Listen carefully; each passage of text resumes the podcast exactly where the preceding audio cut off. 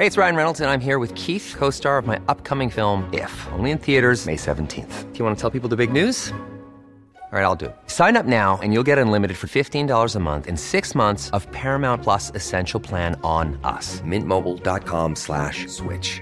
Upfront payment of $45 equivalent to $15 per month. Unlimited over 40 gigabytes per month. Face lower speeds. Videos at 480p. Active Mint customers by 531.24 get six months of Paramount Plus Essential Plan. Auto renews after six months. Offer ends May 31st, 2024. Separate Paramount Plus registration required. Terms and conditions apply if rated PG. Many of us have those stubborn pounds that seem impossible to lose, no matter how good we eat or how hard we work out. My solution is PlushCare. PlushCare is a leading telehealth provider with doctors who are there for you day and night to partner with you in your weight loss journey. They can prescribe FDA-approved weight loss medications like Wagovi and Zepbound for those who qualify. Plus, they accept most insurance plans. To get started, visit plushcare.com slash weight loss. That's plushcare.com slash weight loss. Hey, Dave. Yeah, Randy. Since we founded Bombus, we've always said our socks, underwear, and T-shirts are super soft. Any new ideas? Maybe sublimely soft. Or disgustingly cozy? Wait, what? I got it. Bombus. Absurdly comfortable essentials for yourself And for those facing homelessness. because one purchased equals one donated. Wow, did we just write an ad? Yes. Bombas. Big comfort for everyone. Go to bombas.com slash ACAST and use code ACAST for 20% off your first purchase.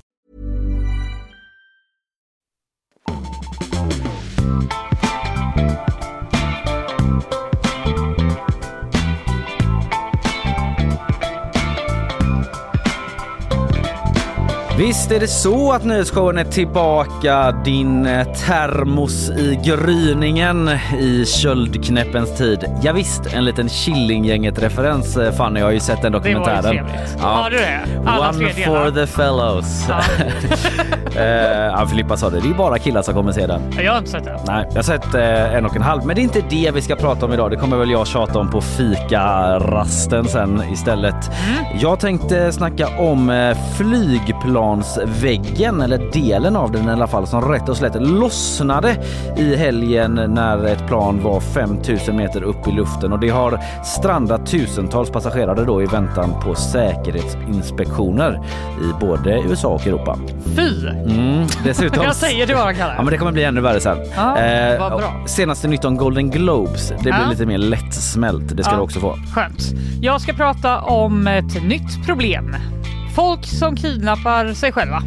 Okej, är det något eh, man stöter på i vardagen eller mer? Kanske om man bor i USA och är från Kina. Okej, spännande. Mm. Eh, vi kommer också få höra senaste nytt om polismannen som skadades allvarligt efter en insats i Jönköping i helgen. Det här från Sofia Magasanik som ger oss nyhetssvepet idag. Sen får vi gäst. Etisas Yusuf kommer hit för första gången till nyhetsshowen. Mm. Fast vi konstigt. pratar om hans artiklar typ varje dag. Det är som att han har varit närvarande väldigt länge. Ja. Men nu också kommer i egen hög person. Stark andlig närvaro av Etsas. Men nu är han här IRL ja. Och vi ska snacka om Rosenlundsverket som kan bli nattklubb. Wow, Ett wow, nytt wow. Göteborgs Berghain. Stadsbyggnadsnämnden föreslår att man utreder det nu och eh, Etsa ska ta sig igenom den här debatten och turerna kring landmärket. Ja, det får man säga. Eller är det ett landmärke? Vissa tycker ju att det är en klump med skit närmast. Ja, men även fula saker kan väl vara ett landmärke. Mm, det tvistas eh, lite om detta. Sen blir det bakvagn också. Tetris-rekordet slaget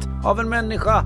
Woho! Och eh, bondeilska och traktoruppror i Tyskland. Just det. Jag ska prata om E-Type. Ja, Och aktuellt. Men det är väl alltid aktuellt. Ja, det är det. Han är liksom alltid med på något sätt. Han är ju det. Inte minst för hans eh, kära vänskap med Ulf Kristersson på senare tid. Då. Men eh, fan, du, vi har inte setts på flera veckor. Jag var ju Nej. sjuk och sen var vi lediga. Och Vad konstigt. Sen eh, har du varit, eh, du har ju varit utomlands. Så hade jag varit ledig ännu mer. Vet du att jag ju, har ju under eh, lovet här haft en liten eh, personlig utvecklingsdrive och eh, tillfälligt tagit bort Instagram. Så jag har ingen Åh! aning om vad du har haft för dig. Gud vad spännande. Nej, men det är det gamla En vanliga. aning har jag ju men Du vet att jag var någonstans. ja. Men eh, varför då? Nej, men Om jag, jag, får fråga. jag bara Vem fick skulle driva en människa att göra något sånt? Eh, ja, typ eh, så eh, Elon Musk och Mark Zuckerberg Ja, driver du mig bort. av princip. Nej, det var bara att jag fick eh, för mig att genomgå ett litet experiment med mig själv. Mm. Vad händer om jag tar bort det? För att jag, jag är ju beroende av det. Vad händer då? Nej det har inte hänt så mycket. Det är bara typ att när jag tar upp mobilen så har jag inget att göra på mobilen. Så jag bara såhär, vad ska jag göra med mobilen då? Men hittar man inte på något annat? Jo men lite så, alltså i början var jag så här: okej då kanske jag ska betala CSN. Typ. Så gjorde jag det, för att jag hade liksom inget att scrolla på så då bara betalade jag en räkning som jag säkert hade glömt annars. Jag kollar gruppchattar och typ så läser nyheter. Så dina kompisar bara, fan vad Kalle håller på chattar med oss hela Ja, tiden. men jag var redan en ganska Ja, jo, närvarande figur i flera chattar. Kan jag säga. Nej men jag vet inte, jag kommer nog eh, jag kommer krypa tillbaka till det lite nu eh, för jag känner att jag behöver det på jobbet. Men Ja. det var ändå lite spännande att testa. du kan göra det på helgerna nu framöver. Ja, ja, jag får väl hitta någon sorts eh, mellanväg. Men därför så vet jag inte riktigt hur du har haft det Fanny. Jag har ändå nu. haft det bra. Jag har ju alltså varit, eh, först var jag hemma. Det är Mm. som att jag hackade systemet lite. För att vi bara firade jul ganska o, alltså osatsigt då. Mm. Eftersom vi skulle åka bort. Mm. Och sen åkte vi bort till en Kanarieö innan nyår. Så då slapp man även nyår. Ja, Det är som att jag liksom fick allt. firar de inte nyår där? Ja, men, Ja men jag fattar jag vad du behövde menar. bara, bara vara där. Ja. Jag behövde liksom inte göra någonting. Det låter underbart. Ja, det var jätteskönt. Var det varmt? Det var eh, svensk sommar. Ja. 25 grader, Mm. vilket är den perfekta temperaturen. Lifehacket, res härifrån. Ja, exakt. Om ni vill må bra så Ja. kan ni ta bort Instagram eller bara åka härifrån. Och så nu- eh, blir det bättre. Nu är du tillbaka liksom i uh, Ja, köldknäppens det var tid. ju det va, att eh, jag kom ju då hem i lördags. Det var ju 25 grader när vi åkte. Det var minus Alltså för 11. två, dag- för två dagar sedan? Ja, mm. minus 11 när vi Mm. hoppade av på eh, Landvetter. Ja. Det var hemskt. ja. Det var ändå så här, jag förstod ju att det skulle vara kallt. ja. Men inte så kallt. Det Det var en chock. kroppen. Eh, men då såg jag nu på nyheterna att det var inte bara jag då som var med om en temperaturchock utan det har även skett i norr i vårt fina fina land Sverige. Vi ska lyssna på eh, Väder-Nils. Ja, SVT. Väder-Nils. Mm. Throwback. 44 grader. Ja, så mycket steg temperaturen i Nikkaluokta mellan fredag och söndag och snabbast steg temperaturen och natten till söndag. Då blev det 17,4 grader varmare på bara en timme. What? Ja, det låter ju helt uh, sjukt faktiskt. Det låter väl helt sjukt? 44 grader. Mm. eh, Och 17 på en timma.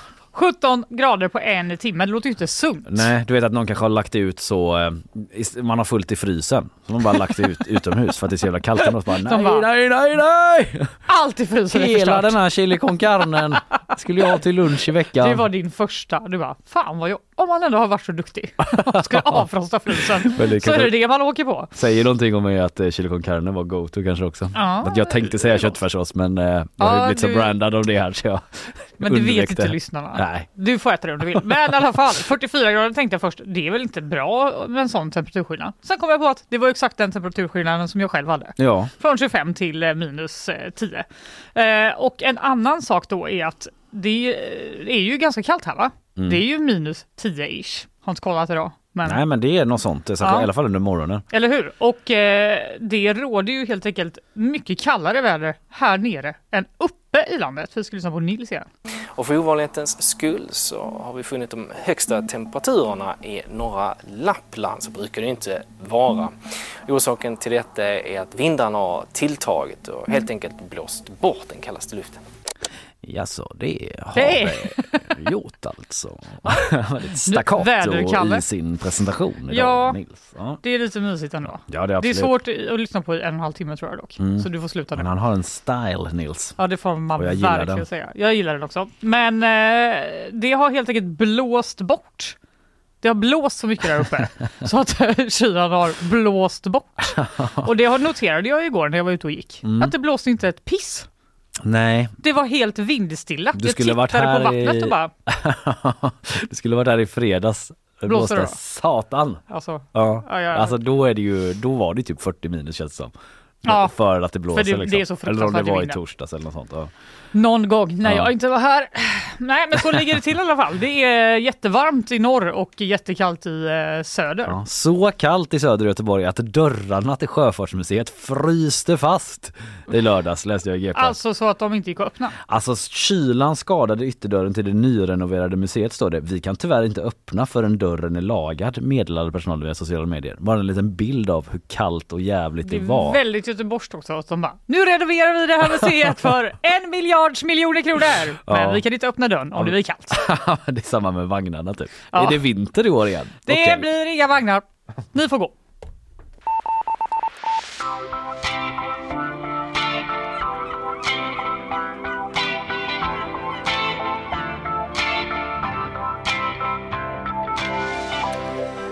Jag ska nog springa Göteborgsvarvet också. Jag vet att det är nyår, men det är What? liksom så här, inga sociala medier, det är Göteborgsvarvet, det är nyårskliché, men nu kör jag. Är det här dina nyårslöften? Ja, nyårslöften, men eh, ja, vi säger väl att det är det då. Ja, alltså, nu har du sagt det. Så här. Live and direct. Frågade både Karl och eh, Emelie, är det innehåll att jag ska springa Göteborgsvarvet? Kan man göra någonting på det? De bara, nej.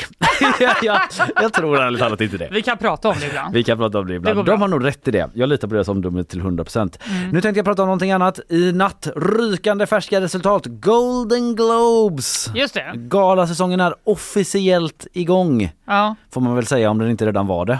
Men det är väl Nej, Golden men det Globes som brukar känns som det starta. börjar nu va? Ja, och första nyheten. En svensk vann. Det var ju såklart Mm. Grattis. då Ludvig Göransson. Ja, det känns som han vinner. Ja, han Då har ju liksom dominerat musik, eh, filmmusiksvärlden i Hollywood ett ganska bra tag, kompositören alltså. Och det var ju för musiken till Oppenheimer han vann då. Här är den. Och så här håller det på. Låter som filmmusik. I två och en halv timme ungefär så ligger det här.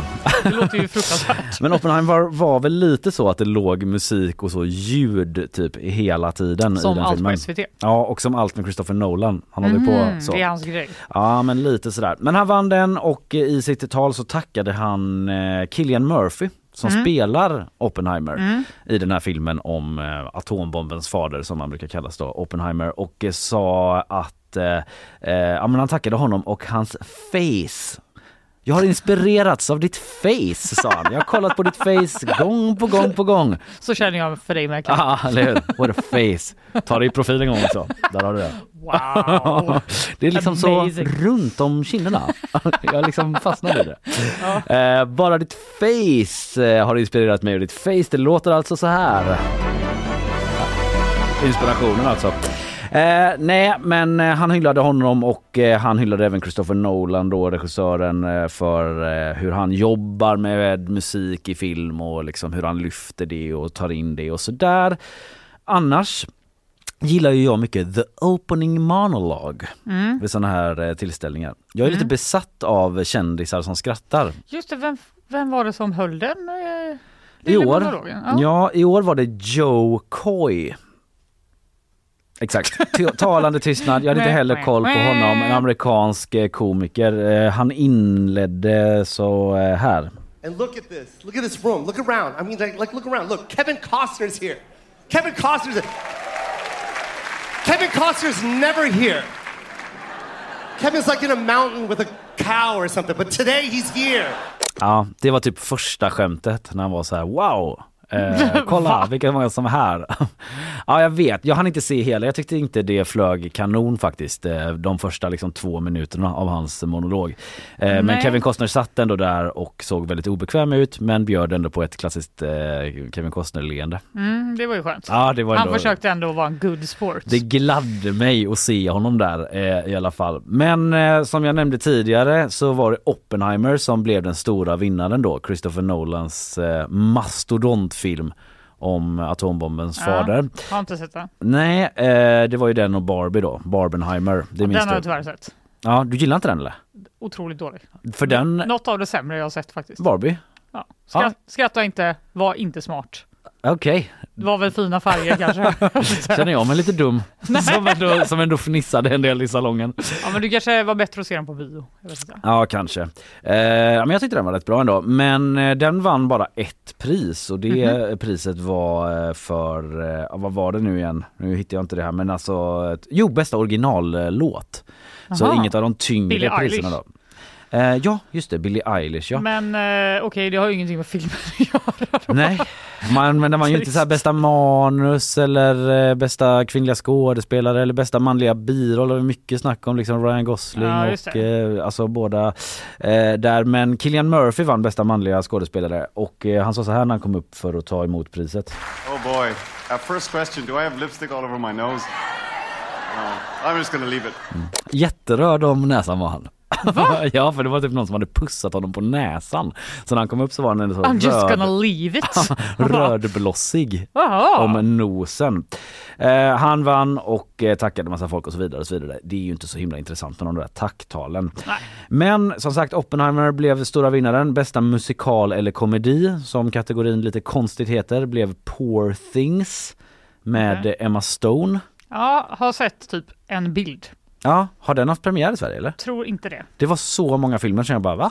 Inte alls kände igen. Aha. Men den handlar om att eh, Mark Ruffalo är en vetenskapsman som väcker henne från de döda. And they elope och typ flyr över världen. Va? Ja, och så vann den eh, pris där och eh, jag tror fan Emma Stone vann eh, bästa kvinnliga skådespelare också. Oppenheimer blev, jo men hon vann det som Bella Baxter i Poor Things. Och Oppenheimer blev bästa drama då. Hela listan går jag inte igenom nu men den finns på gp.se. Mm. Kommer du surfa in efter sändning Fanny? Ja, jag blir lite intresserad faktiskt.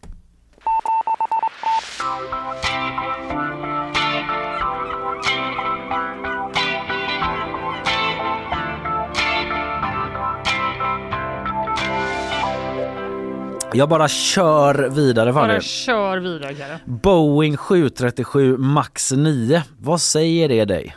Eh, det är ett flygplan. Bra, det var ungefär så mycket jag förväntade mig för det var väl ungefär det jag själv eh, kunde om vad det är. Ja. Det är ett flygplan, en modell av ett flygplan och just den modellen står nu på marken till skillnad från i luften Aha. där de lämpligen bör befinna sig i alla fall periodvis. Ja. Detta i hela, över hela USA och även några få plan i Europa eftersom att samtliga plan måste kontrolleras och gå, genomgå säkerhetskontroll Ja. efter en allvarlig flygolycka i lördags.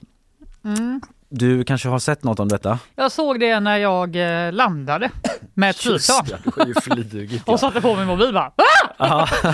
Genuint rädd. Det var väl en herrans tur att du inte såg det innan i alla fall. Ja det var det verkligen. Tiotusentals passagerare från alla sina, får alla sina flighter inställda och eh, kanske väntar flera av dem gärna då när de får höra om vad som hände på den här Alaska Airlines flighten Mm. där en del av kabinväggen helt sonika bara slets loss och flög ut i luften på 5000 meters höjd några kilometer väster om Portland i nordvästra USA.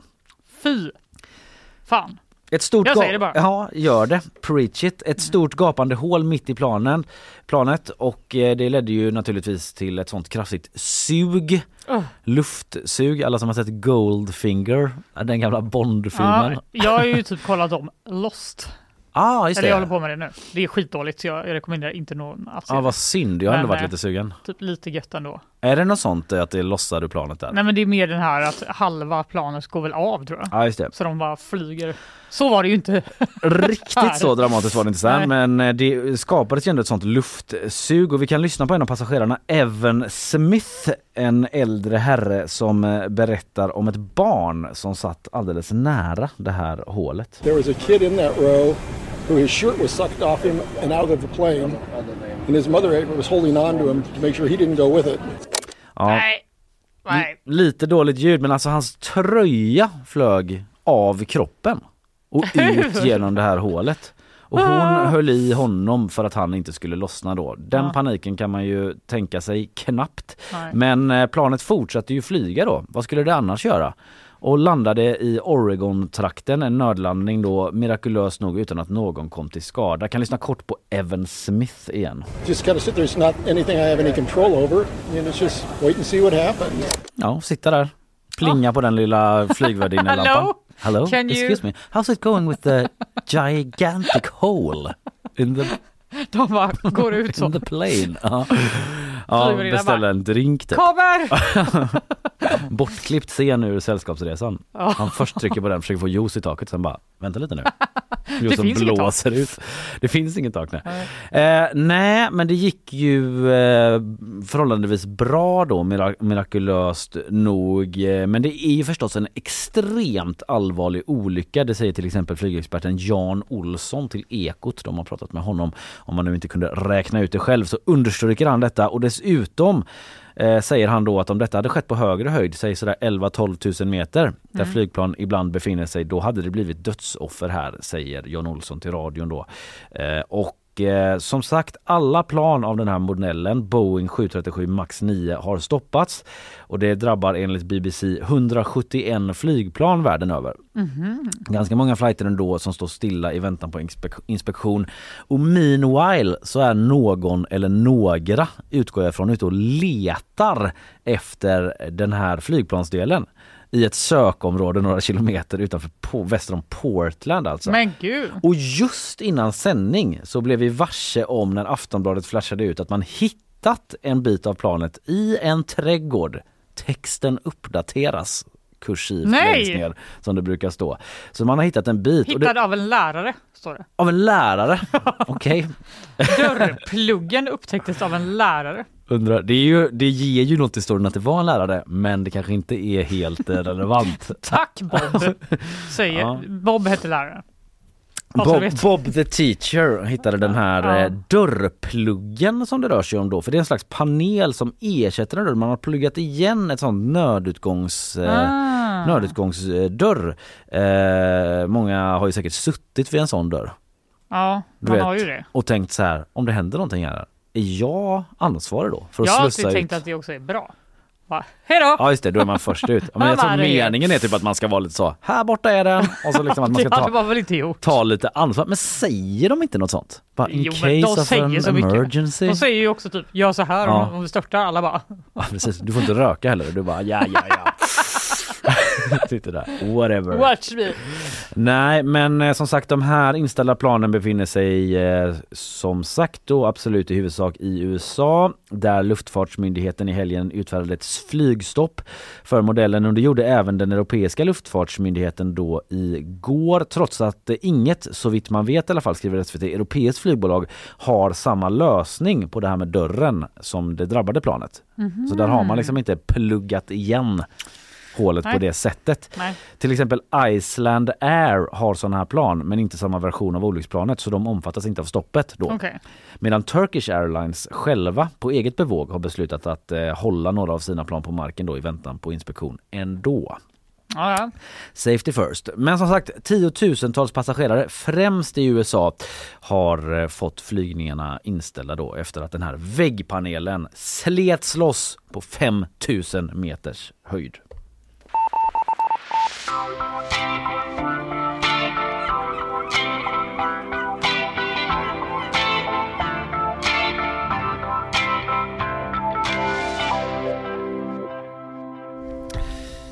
Vi ska ta en liten utblick i nyhetsflödet eh, från eh, morgonen och dygnet. Eh, Sofia Magasanik, god morgon innan jag släpper över. Då du får fixa lite med hörlurarna där. Den är så här konstig. Så, där har du dem. Titta. Så konstigt är det. Gud vad jag är med idag känner jag. Tack Sånt så som mycket. är första sändningen. Hur har du haft det bra? Har du varit ledig? Jag har varit ledig men eh, ja, tänkte att det var härligt att gå upp klockan fem i morse igen men det var det inte. Nej, Ändå skönt att du kan vara ärlig och inte känna att du måste ljuga om vi det. kräver inte att du ska hitta på. Vi är Ingen, här. ingen förväntar sig Kan det. inte ljuga så här tidigt på morgonen. Det kan du inte och det är också därför eh, du får förtroendet eh, bland annat för att ge oss morgon eh, nyhetssvepet. Eh, vi slår om i ton och låter dig ta över. Varsågod. En polis har fått livshotande skador efter en konfrontation i Jönköping under söndagen. Attacken mot polisen inträffade efter att en polispatrull hade kallats till en bostad i Jönköping där en man hade skrikit och agerat upprört. Mannen ska enligt polisen även uppvisa tecken på psykisk ohälsa. Mannen hade sedan tagit sig till ett skogsområde där en tumultartad situation uppstod med patrullen. En av poliserna attackerades av mannen med ett vasst tillhygge och fick då livshotande skador. Mannen med tillhygget blev då skjuten av en annan polis och är allvarligt skadad.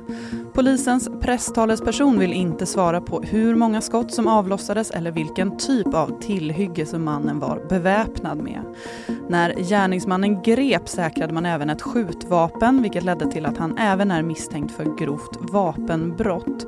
Både gärningsmannen och den polis som skadades fördes med ambulans till sjukhus och polisen opererades under söndagskvällen. Strax före klockan 20.00 var tillståndet för den skadade polisen fortfarande livshotande. Skadeläget för den misstänkte mannen är fortsatt allvarligt. De låga temperaturerna runt om i landet fortsätter att skapa problem för tågtrafiken och SJ tvingas ställa in flera tåg på grund av kylan. Anledningen är att snö och is på tågen gör att tiden inne på depåerna förlängs vilket leder till fordonsbrist. Elva av de tågen som skulle ha gått men inte gör det skulle gått till eller från Göteborg. Det handlar om fem tåg från Göteborg till Stockholm, fem tåg från Stockholm till Göteborg och ett tåg från Malmö till Göteborg. SJ har skickat ut information till resenärer som berörs av de inställda avgångarna. Tack Sofia för eh, matig information om eh, detta som skedde i Jönköping ju. Väldigt eh, dramatiskt. Eh, jag såg att Gunnar Strömmer också hade fått frågor om det på Folk och Försvar och kallat Ja. det för högst beklagligt och så vidare. Precis, det är ju flera som uttalat sig om det här och bland annat så är det ju en av eh, på Polismyndigheten som sa väldigt gripande att de har en kollega som gick till jobbet på morgonen och man vet inte om han kommer hem igen. Nej, alltid mycket allvarligt och stora rubriker när en polis eh, råkar så pass illa ut såklart. Sofia, tack ska du ha. Tack.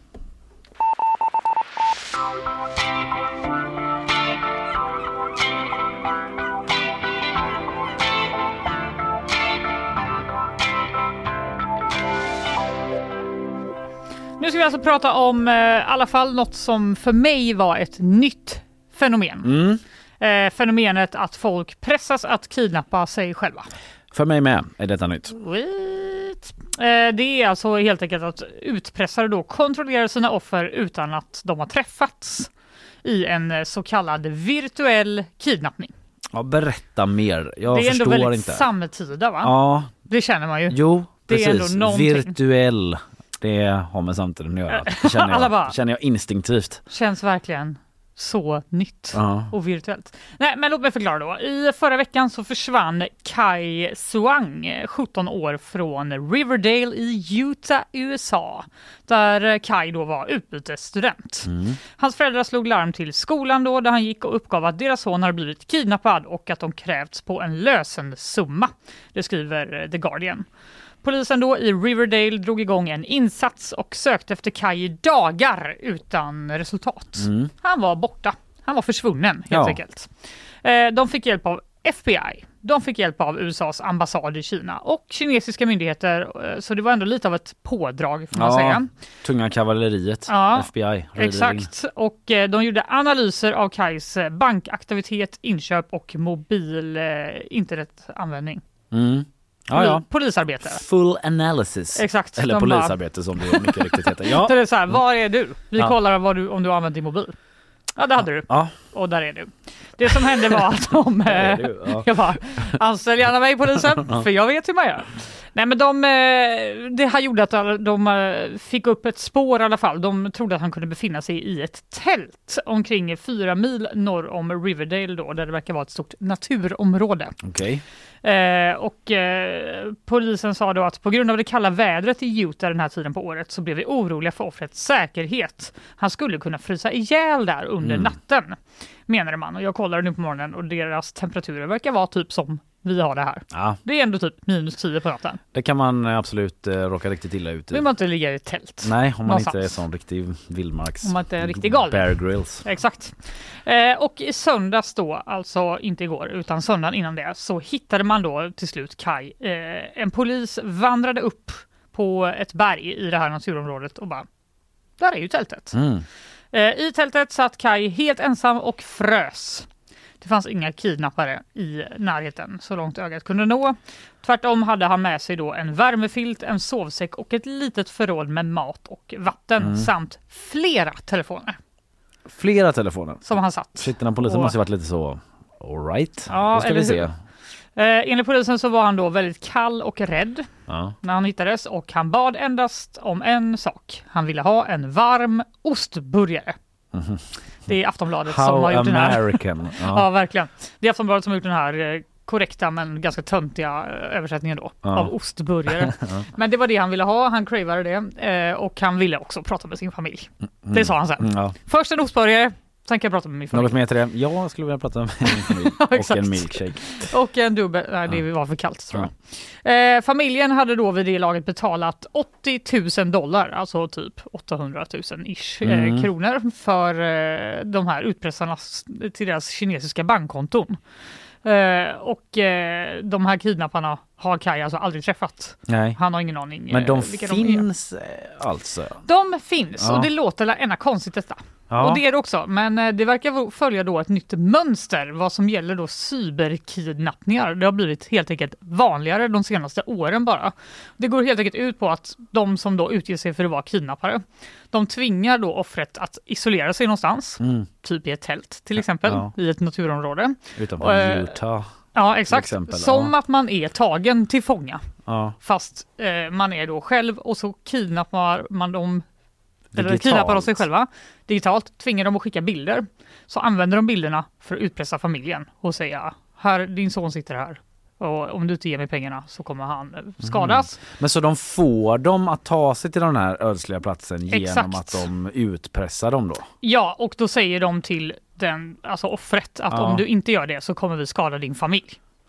Jaha, vi okej. vet Det är de det är. som är utpressningen. Okej, om du inte går och sätter dig i det här tältet så kommer de råka illa ut. Exakt. Jaha, jag trodde det var någon sån ID-kapning, tjosan. Nej, utan till familjen så säger de vi kommer skada er son om inte ni betalar. Och till sonen säger de vi kommer skada din familj. Usch vad obehagligt. Eller hur? Det är jätteobehagligt. De, eh, även om de inte är där in person då, så övervakar de ju sina offer digitalt då, via Skype och Facetime och eh, använder det materialet då för att utpressa Mm. Men därför familjerna. Den här personen hade med sig massa telefoner då Exakt. kanske. Ja. Och eh, när det gäller just Kai då, så enligt polisen så kan han eh, ha liksom tagits kontroll över, som de säger, redan den 20 december.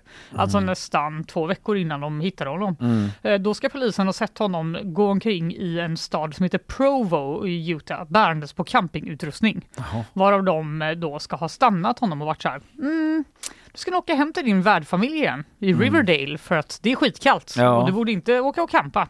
Och då hade han eh, lyssnat på dem och eh, liksom bara återvänt hem. Men Ja. han hade inte sagt Hallå, jag blir hotad av eh, några jätteläskiga cyberkidnappare. Nej. Man Eh. funderar ju på de här cyberkidnapparna måste ju också någonstans ha visat upp Eh, sin våldsförmåga då.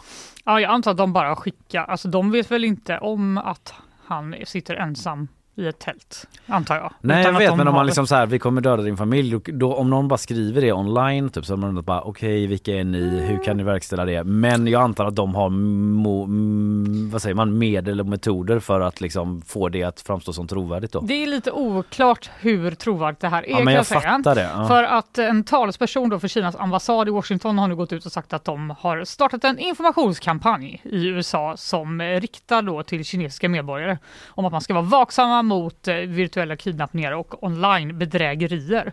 Jag har en liten flyer här som du kan kolla på. Kan lägga ut det på Instagram sen. Scam alert, Ja. virtual kidnappings kolon och så Det är massa liksom, text ja. eh, det ser ut som något som vi hade kunnat få för typ myndigheterna Mm. för Estetiken ser lite ut som den gamla när man hyrde en film så här You wouldn't steal a car. Exakt. Om du. Ja, Du skulle inte verkligen. ladda ner en film.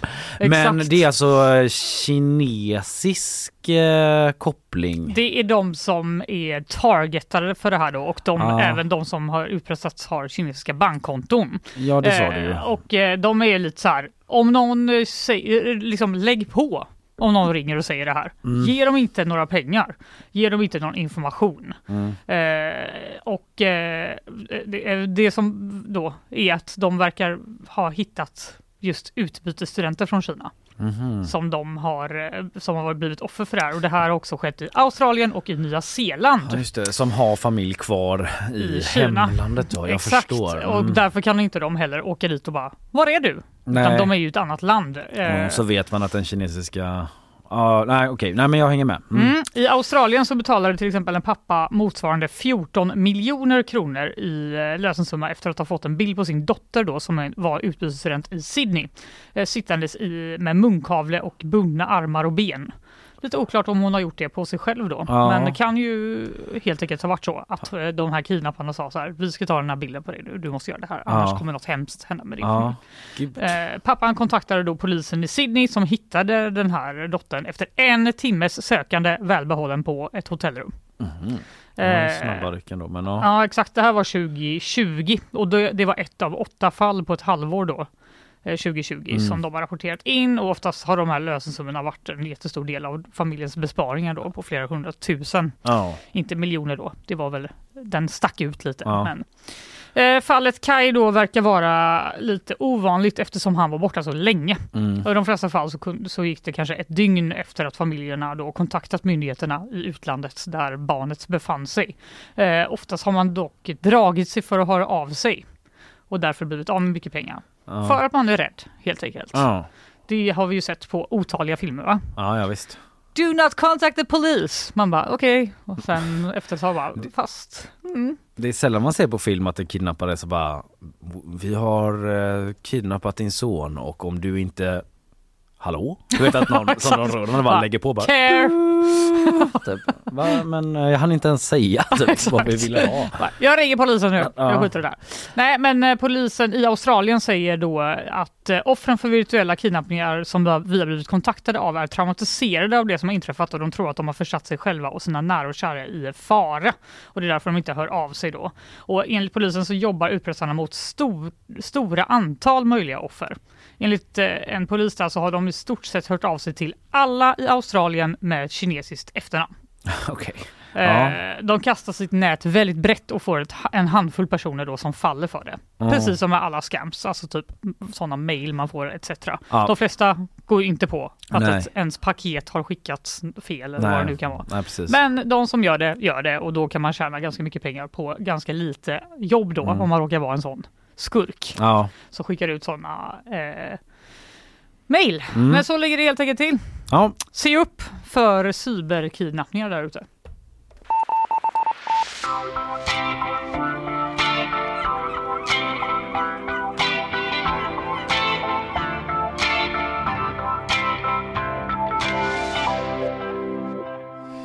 Saknar du liksom eh, en eh, nattklubb som är lite som Berghain i Göteborg? Är det liksom något du känner saknas Nej, i den här stan? att du hade velat gå dit och se ganska mycket så sexuellt dekadent. Jag vet inte, hur är det på Berghain? Jag har aldrig varit Det där är såklart. som de säger. Ja.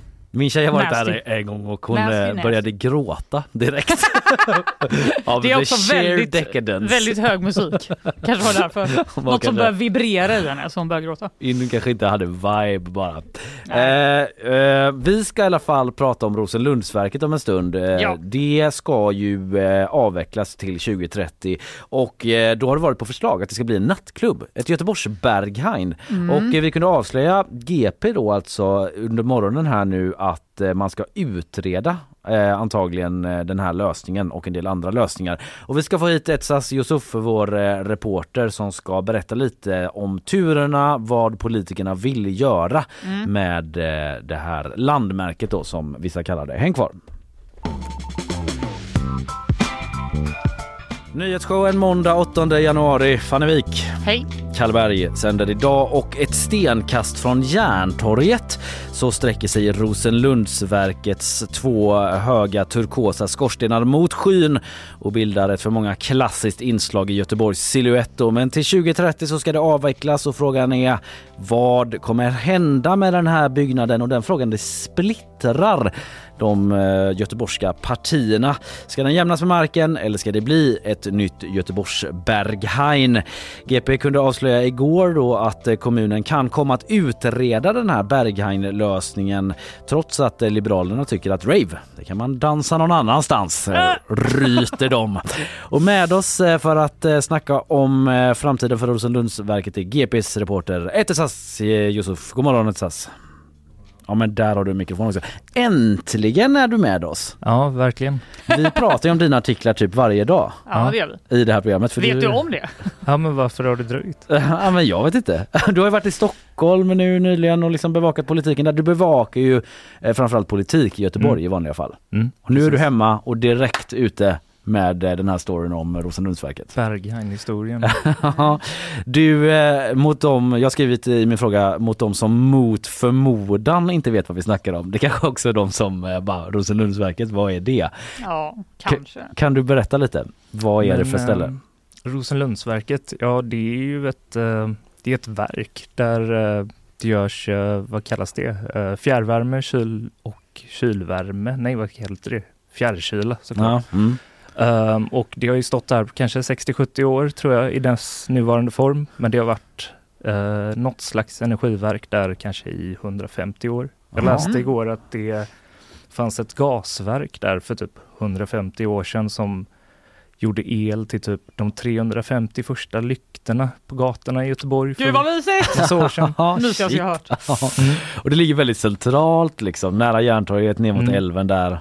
Det är svårt att missa. Ja. Det är ju två stora skorstenar och en grön, ganska maffig massa fasad med lite tegel och sådär. Mm. Så det sticker ju ändå ut i området lite får man ändå säga. Och så kommer den här röken ut ofta liksom. Man noterar det, det är höga skorstenar. Mm. Ja. Ja, nu känner jag att det skulle bli väldigt tomt om det försvann. Ja, det hade ju det, är verkligen liksom, det ska ändå vara där på något sätt. lämnat ett hål Alltså- efter sig. Ja, eh, alltså rent fysiskt menar jag då, Ja. o- oavsett vad som är i. Men Men, det är nu ska man i alla fall avveckla det då Mm. till Eh, 2030. Alltså man säger så här att eh, själva eh, fjärrvärmeverksamheten den kan avvecklas till 2030 och det är ju oftast det man ser den här röken som kommer från Ja, skorstenarna, just det. det är från fjärrvärmen. Men så finns det också fjärrkylarverksamhet där och den ska avvecklas till 2032 som tidigast. Okej. Men den behöver man ha kvar i centrala Göteborg på något sätt. Och, men man bedömer också att det där kan hamna lite vad som helst. Alltså det går att flytta på den någonstans annanstans i centrala Göteborg. Mm. Mhm. Ehm, Så byggnaden kanske inte behövs då för det. typ det man har diskuterat nu i liksom i kopplat till den här motionen då som vi ska komma in på Mm. är ju att i den här eh, den här fjärrkyle liksom verksamheten kan behöva vara kvar Mm. eh, i framtiden oavsett vad som byggs där och då ska de behöva samsas om samma yta. Okej, så att det kanske blir ett Berghain men de Mm. så gå inte in där för Precis. där liksom är det ett Precis. energiverk. Det kanske blir sån Coldplay-stämning. Att man kan typ dansa fram värme. Gjorde du vad de jag det? menar? Ja, Ja, men det var ju cool. typ att man skulle cykla. Typ publiken skulle cykla och typ dansa på typ dansmattor och då skulle det bli el på Aha. deras konserter. Typ en sån hållbar konsert då. Ja, så hade det kunnat vara om alla dansade rave i Göteborg. Så det Töntiga blev hållbara Berghain i Göteborg. Eh, men det är ju också ett eh, prime location får man säga i detta nybyggar Göteborg kring älven där eh, där många vill se andra saker och det splittrar ju då partierna i stan om vad det ska bli av det. Eh, men som vi varit inne på då, nu ska man alltså eh, antagligen utreda om det borde bli nattklubb av det hela. Eller du kan utveckla det lite Etsas. Vad är det som har liksom skett här nu det senaste?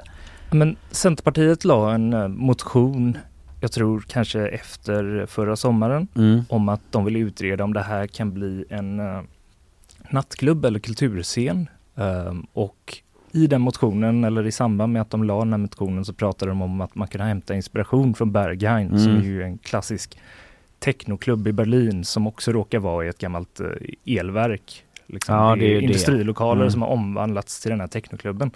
Men jag tror att likheterna slutar nog där. Jag tror inte Centerpartiet tänker sig liksom en fristad för folk som vill ta vissa kemiska substanser och dansa loss hela natten lång i tre dagars sträck. Utan Nej. Det no- handlar nog mer om liksom Järntorget som plats Mm. och att man vill liksom den, den, det liv som finns där, kulturliv som finns där, man vill liksom ta vara på det och hitta en plats eh, som kan Mm. liksom efterleva det. Förstår. Mm, och nu har man fått remissvar då. Precis, det här var uppe i stadsbyggnadsnämnden i december och eh, när en motion kommer in sådär så ska den upp i kommunfullmäktige men då får liksom alla kommunens olika kontor tycka till om det Mm. här är en klok eller dålig idé. Mm. Och eh, på, tjänstemännen på stadsbyggnadsförvaltningen har sagt ja, det här kan nog vara värt att utreda. Det här tycker vi är en ganska bra idé. Även om den kanske inte går att genomföra så är det värt att titta närmare på. Ja, och då menar de inte specifikt att det ska bli Berghain då utan liksom att det kan användas till Nattklubb, Ja. kulturscen, alltså kulturlivet Mm. säger de att det här kan nog användas på något sätt för kulturlivet. Men sen kommer de med några brasklappar i samband med det här. De säger liksom att ja, det här blir säkert svindyrt, Mm. så man får nog titta på om vissa delar kanske ska rivas och bli något annat som liksom täcker upp ekonomin. Det här Mhm. är liksom en plats som måste saneras och det kostar jättemycket. Och göra liksom, så det finns liksom, de, de lyfter vissa sådana brasklappar. Mm. Det som har hänt nu i alla fall är politikerna i stadsbyggnadsnämnden, de har voterat om det här och eh, de är nästan, de är nästan helt splittrade liksom, men med knapp majoritet för att säga ja och skicka vidare det här remissvaret då till kommunfullmäktige att det här är värt att utreda. Mm. Och men de är ändå en ganska tu- tung nämnd i sammanhanget då som kanske har visst inflytande över eh, fullmäktiges beslut. Jag skulle säga att det är nog den, den tyngsta nämnden. Ja. Eftersom stadsbyggnadsnämnden, de, får ju, eh, de bestämmer ju nästan alla ärenden som har att göra med hur eh, det framtida Göteborg ska se ut. Mm. Men de säger då i det här remissvaret att de ser en stor potential i byggnaden. Mm. Vad menar, betyder det att de utesluter att den ska rivas? Eller är det någon slags upptolkningsfråga? Alltså i den så står det, och de har liksom tagit hjälp från Göteborg Energi och Higab som är ett kommunalt bolag och kulturförvaltningen när de har skrivit sitt svar. Mm. Mhm. Och då har de kommit fram till att så här, det här är ändå en byggnad som har visst kulturhistoriskt värde. Många göteborgare eh, känner igen den. Mm. Den står för liksom industristaden Göteborg, det är en ganska tydlig markör. Och dessutom så har liksom Göteborg vissa mål om att man ska liksom eh, främja kulturlivet och därför liksom när de här alla sakerna möts så blir Mm. det liksom en sak som är värd att studera vidare.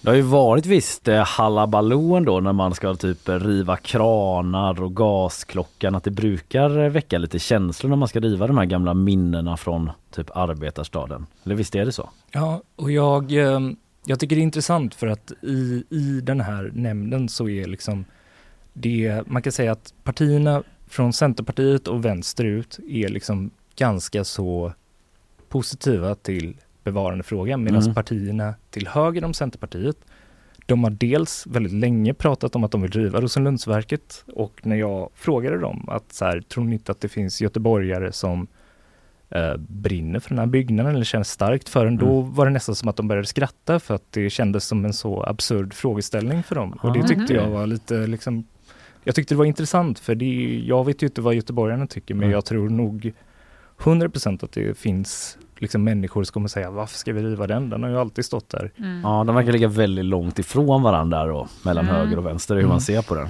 Men de till höger vill helt enkelt riva den och bygga något annat där. Precis, och det har varit liksom en hjärtefråga för typ Moderaterna och Liberalerna i många år. Alltså du skulle kunna gå fem sex år tillbaks i tiden och hitta debattartiklar på GP Mhm. där de liksom vädjar till att man ska riva Rosenlundsverket och bygga bostadshus där. Och eh, det här området har lite, alltså även den här kinesiska muren som ni vet som ligger inte alls så långt ifrån Rosenlundsverket. Mm. En, eh, Ja, det var en restaurang som hette så, som låg där förut. Precis. Ja. Och den har det ju också varit mycket diskussion om att man ska riva och så tycker partiet kanske till vänster att den ska bevaras och så. Så det, det här är liksom ändå, ja det finns något där som är en ideologisk skiljelinje mellan Mm. liksom gamla kåkar som får stå kvar eller ska rivas och ska det bli bostäder på ett centralt läge eller ska det Ja. vara kvar av kulturhistoriska liksom. Mm. Och samtidigt så är det liksom hela det här älvstråket. Alltså jag eh, har ju bott i Stockholm ett tag, eh, Fanny. Och Mm. eh, innan jag flyttade för typ tio år sedan så tyckte jag så här snacket var typ så här, varför, alltså, det är, varför gör man ingenting här vid älven? Mm. Det är stenar och massa parkeringsplatser. Tänk vilka möjligheter det finns här. Och nu är man tillbaka tio år senare och nu börjar det liksom hända grejer ändå. Att, eh, eller åtminstone på liksom planeringsstadiet. Det är så här Masthuggskajen, det är stenpiren, man kan åka spårvagn där och nu är det det här. Är det liksom eh, jag vet inte, hur långt eh, är det kvar tror du tills man eh, typ kan eh, promenera ett sånt fint bostadsområde och kanske liksom dansa lite rave om man vill. Alltså, om man ska vara krass Ja. så känns det ju ibland som att liksom vi tre kommer hinna bli pensionärer Mm. innan. Inget rave innan- för oss. Nej, Eller? För, eh, alltså, för oss som liksom ändå är från Göteborg så minns vi liksom när Götatunneln byggdes. Ja. Och då liksom den gamla S-toppen från Göteborg, Göran Johansson, han pratade ju om att så här, min vision är en stad som möter vattnet. Mm. Och det kan man ju inte riktigt säga att vi har fått. Nej. Eh, och Masthuggskajen, det här med liksom Petter Stordalens hotell och allt som byggs där. Det skulle ju egentligen blivit färdigt, alltså det sågs ju som en senare etapp av allt som skulle till där och det som kanske är mellan Casino Cosmopol och Roselundsverket, där ska det ju byggas ut 30 meter ut i vattnet Mm. och det är ju försenat med liksom 10 år vid det här laget. Och det är där man har det garaget som bara är liksom en port ner i marken med Precis. ingenting bakom. Precis, Ja. och, och, och då är det liksom utöver det där, vad, vad pratar vi om? Stenas terminaler, det ligger ju liksom jättelångt bort. Alltså det kanske man inte pratar om förrän på liksom senare 20-30-talet. Så, Ja. så jag tror ändå att det kommer dröja väldigt länge och det första man kanske ser är nog det här Masthuggskajen Mm. där de håller på att bygga en, liksom en konstgjord ö där bak, bakom Stordalens hotell eller Hotell Draken som Mm. det heter. Ja. Det kanske man får se liksom innan 20-30-talet. Närmast Men- till hands så. Ja. Mm. Men eh, de, de är lite oense helt enkelt. Mm. Vissa vill riva det, andra är lite mer positiva till att bevara det. Det verkar som att det kanske ändå kommer bli ganska dyrt om man ska kunna ställa om det här till en nattklubb. Mm. Eh, hur skulle man ens, hur skulle det gå till? Vem skulle Ja. driva den liksom? Det, det är nog liksom en, det kommer nog bli en ganska stor knäckfråga. För att Ja. jag vet, när jag läste det här remissvaret så står det eh, exempelvis att ja, men en lösning är kanske att man river delar av Rosenlundsverket och så bygger man nytt eh, där som finansierar övriga delarna. Alltså får Mhm. det att gå ihop rent ekonomiskt. Men så, så läste jag också att det här kommunala bolaget Higab som äger många så här kulturfastigheter i kommunens regi, Mm. typ eh, Litteraturhuset som ligger där bredvid. Mm. Massa ateljéer och så. Det är alltid bråk om Precis. hyrorna och så. De- Ska vi inte ha råd med kultur? Precis, fortsätt. de, säger, de säger ju så här, ja men vi är inte så taggade på att driva den här fastigheten bara så att ni vet kommunen. Mhm.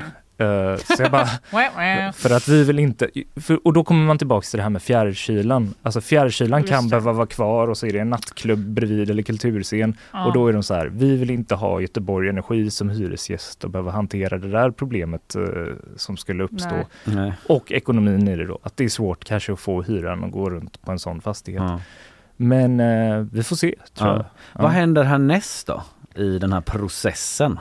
Ja, men alla de här remissvaren som kommer från olika kontor, de ska upp till eh, kommunfullmäktige och i kommunfullmäktige så ska väl eh, partierna helt enkelt, alltså det är väl Göteborgs riksdag liksom. Mm. Där ska de ta slutgiltig ställning till om det är värt att utreda vidare. Mm. Och det här beslutet som har varit i stadsbyggnadsnämnden, man kan ju se det som kanske en fingervisning Mm. på att eh, de här fyra partierna alltså, som har röstat för S, V, MP och C, de har liksom en knapp majoritet tillsammans i fullmäktige. Mm. En röst, 41 av eh, 80 Mm.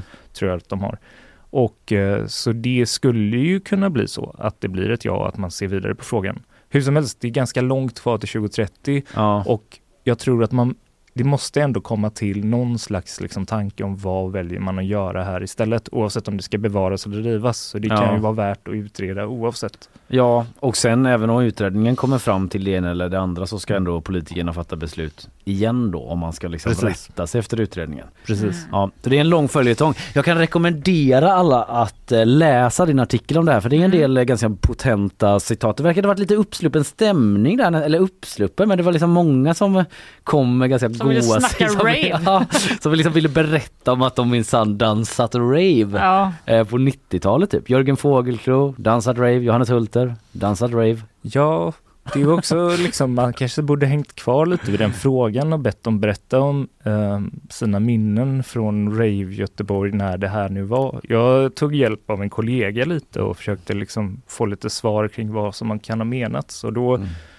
då berättade ju den här liksom kollegan att ja men det var ju en väg där förut så man liksom honkade ju över den här vägen till andra sidan vid vattnet och då fanns det lite industrilokaler och Det är sådär. Kosmopol där typ, kasinot omkring. Precis, Ja. och det är väl det som pratades om i den här Aha. texten då, Ja. att Casino Cosmopol, där kunde man rava någon gång på början av 90-talet eller någonting. Men Eva Flyborg då, den här liberalen som sa att rave, det kan man dansa någon annanstans. Hon hade inget konkret förslag på var. Nej, vi kom ju kanske aldrig riktigt in på det. Men, eh, det Men det här är en uppföljningsartikel som du borde göra. Det- Politikernas rave-minnen från Göteborg. Det ju- Jag hade klickat. Frågan är också hur 100%. mycket de själva egentligen kanske vill komma ut med det där. Men det verkade ju som att de var minst. villiga. Ja, alla Ja. gillar väl en rave, dansande rave-politiker. Ja, du har ju en förmåga Etsas att dra ur dem lite goa citat ibland. Eh, Läs eh, den här artikeln och eh, andra jobb du gör på gp.se. Nu kommer du tillbaka hit snart igen, det säger jag till dig.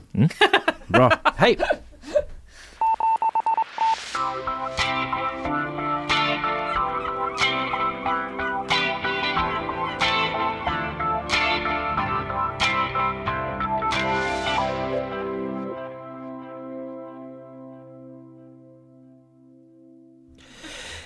Och eh, vi, eh, de liksom, det är en sån tap-out. Eh, ett SAS går ut och eh, tappar in Sofia Magasanik som är här och hjälper oss med nyhetsflödet eh, den här morgonen. Eh, vi ska liksom över Atlanten och tala om en sak, visst är det så? Jajamän, det Ja. stämmer. Varför, varför kan jag inte bara säga USA? Att man ändå vill göra den där över pölen, andra sidan Atlanten grejen. Oklart. Ja, ibland vill man liksom, går man över ån efter vatten lite grann. Mm. Men USA är det jag menar alltså. Vi ska till USA, det Mm. stämmer. eh, jo, men vi ska ju prata om Tupac. Ja. Mordet Mm. som kanske, och nu går jag händelserna i förväg, men kanske ändå kan få någon typ av lösning eller i alla fall att vi får lite mer information efter mordet då 96. Mm. Eh, han lutade sig ut genom ett fönster, stannade vid ett rödljus och skulle eh, vinka lite åt några beundrare kan man kanske tänka sig och blev då skjuten med 14 skott. Mm. Eh, och det här har ju förblivit olöst i ja, tre decennier. Mm. Är det ju. Och en av poliserna som eh, ledde utredningen, han sa ju redan ett år efter mordet att det här kommer nog aldrig lösas. Eh, och så har det ju faktiskt varit i tre decennier, eller så har det sett ut. Men nu har det kommit en vändning. Mm. Eller ja, det här började väl egentligen 2018 då en gängledare som heter Dwayne Davis eh, var med i en dokumentär, Death Row Killer, och då sa att han visste vem som hade mördat Tupac. Mm. Sen dröjde det lite, Netflix-produktionen Unsolved, The Tupac and Biggie Murders, så sa han också något liknande och sen släppte han självbiografin eh, Compton Street Legend, där han gav väldigt mycket detaljer kring det här mordet. Bland annat så sa han att han satt i bilen bredvid Tupac när han mördades och eh, så skrev han något så här, och sen började fyrverkerierna. Mhm. Eh, och syftar väl då på... Han har ändå länge, eller förlåt syftar Ja. då på ja, Ja, skotten kan man ju tro, det var ingen fyrverkeri. Han har hållit på länge liksom och bara jag vet vem det var och nu är det dags för någon sorts eh, rättegång då. Ja, men också så här, jag vet vem det var. Det var jag. Kan man ju, Mhm. Ah. i alla fall så det ser ut nu. Rättegången har inte hållits, men eh, FBI har slagit till där. Eh, stormade hans eh, bostad och grep honom i juli. Mm. Och nu så, eh, och motivet då som man tror är hämnd. Mm. Eh, och nu har ju då, han har gripits och ett borgenförhör ska äga rum imorgon. Eh, för att Ah, se om ja. han kan få sitta kvar. Och det är lite krångligt just nu för det är tydligen flera vittnen som har hotats. Eh, inte av Davis då, då men eh, ja, vi ska inte spekulera men, men Dwayne, Dwayne Davis han beskrivs i alla fall som gängledare. Ja Mhm. okej och senaste nytt är då det här borgensförhöret så eh, processen fortgår liksom. Men eh, motivet hem då, är det för liksom eh, eller för Biggie? Nej, eller vet det- man det? eller hämnd för något annat? Alltså det här ska ju handla om ett slagsmål som eh, Dwaynes eh, brorson ska ha varit involverad i. Biggie kanske dog efter i och för sig. Tupac. Ja skitsamma, jag har lite dålig koll på min hiphop-historia. Vi pratar. Tupac här. ja, nej men det här det är ju rätt uppseendeväckande. Det här, alltså de senaste 30 åren, det har ju varit rätt bizarra teorier kring det här. Mm. Och en av de främsta, eller de som har hörts, det är ju framförallt att man har, folk har sagt att han lever. Bland annat Mm. att eh, de har sett honom jobba i en affär med att sälja DVD-skivor. Mm. Det är, det, det, det är en eh, karriärsresa åt något håll. Ja, många konspirationsteorier liksom kan ofta falla på frågan så varför då? varför skulle han göra det? Och varför skulle inte någon av kollegorna varit så här jag jobbar med Tupac. Det var att ingen liksom tjallar det. Det är Ja. en konstig grej. Men nu har det i alla fall hänt en utveckling och jag tror att det, det här, som sagt, det här har varit uppmärksammat eh, oavsett om man har lyssnat och varit engagerad i det här eller inte så, så har ju de flesta känt till den här storyn. Mm. Och efter 30 år så kanske vi får svar på någonting. Wow!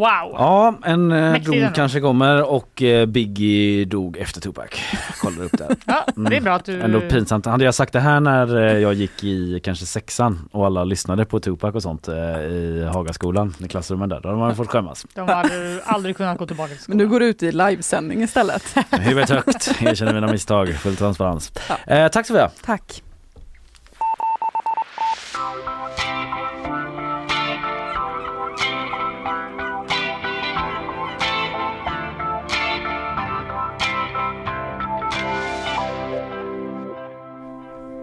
Venedig? Frågetecken.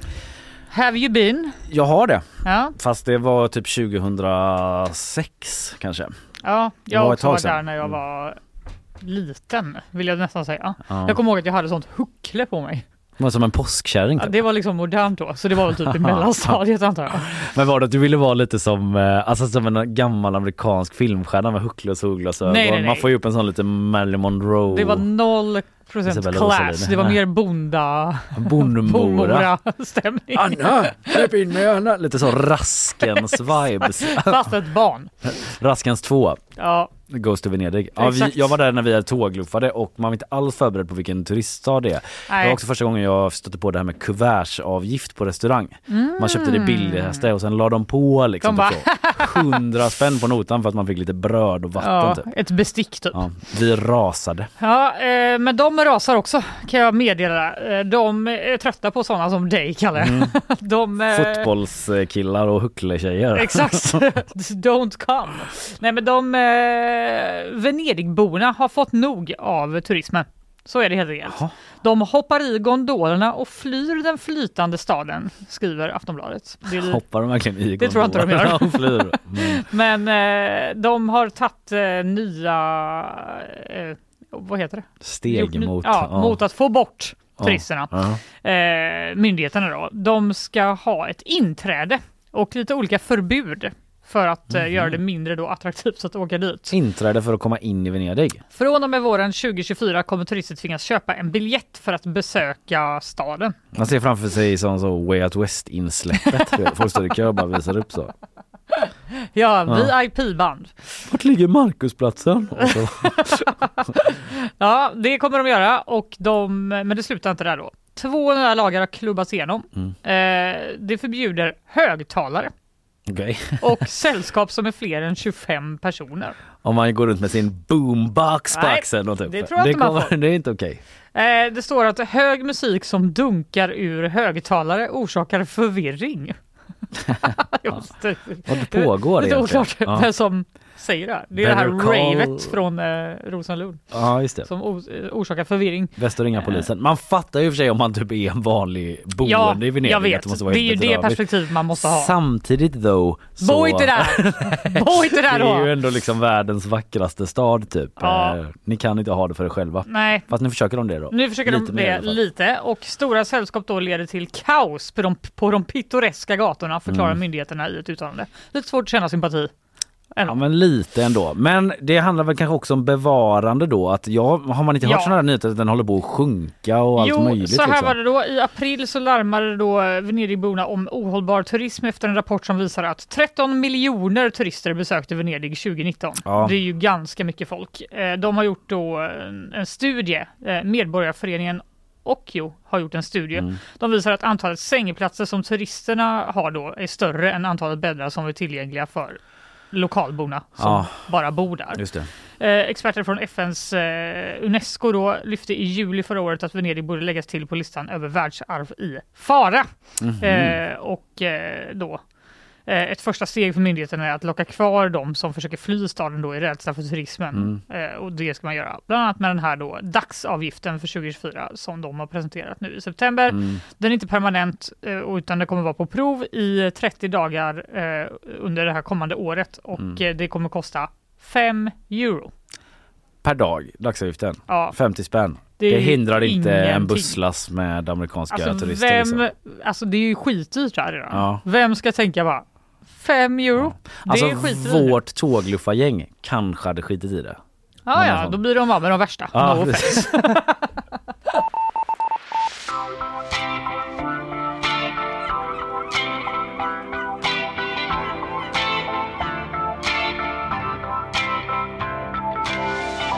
hade så himla dåligt med pengar. Man hade ju en dagsbudget liksom. Så sprängde man hela den på att köpa en sån eh, Filippo Inzaghi tröja, alltså eller fotbollströja. Liksom. Och då, eh, då hade man kanske åkt till en förort till Venedig hellre och köpt den tröjan. hellre än att se. Men- Med sin fina, fina tröja. Ja. Mm. Du, eh, andra nyheter eh, vi ska tala om nu. Känner du igen den här låten? Ja, är Tetris. Ja. Fan vad jag spelar mycket Tetris. ja, du har det? Åh, gud. Jag har typ aldrig gjort det. Berätta Va? kan du inte berätta lite mer om dina... Ja, på din mobil nu? Ja, och även på datorn när jag var liten. Ja. Eh, jag är ju inte bra på det. Nej. Men jag gillar sånt helt hjärndött. Som man bara... Ja, det är ju Så. hjärndött på ett sätt men det är ändå eh, liksom... Ja, eh, men som är mer, jag, liksom, som inte är så här strategi, du ska springa runt och ditten och ratten. Nej. En boomer som pratar om tv-spel. Men så, här, så att du liksom när du var liten, ja, det var på datorn då, inte på så här, Nintendo eller Gameboy eller så? Nej, det hade Jo, Gameboy hade jag sen. Ja. Men nu gör jag det även på min mobil när jag typ lyssnar på en podd. Ja. För att jag tycker det är gött. Ja, du har verkligen den eh, gör flera saker samtidigt. Ja, jag, Viben. Det måste jag göra, annars går det inte.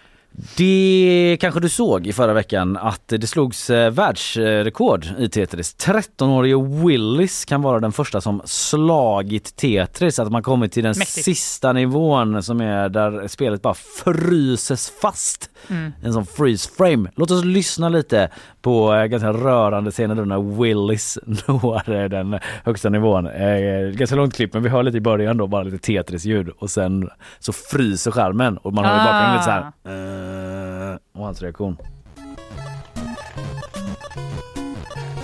Spelar.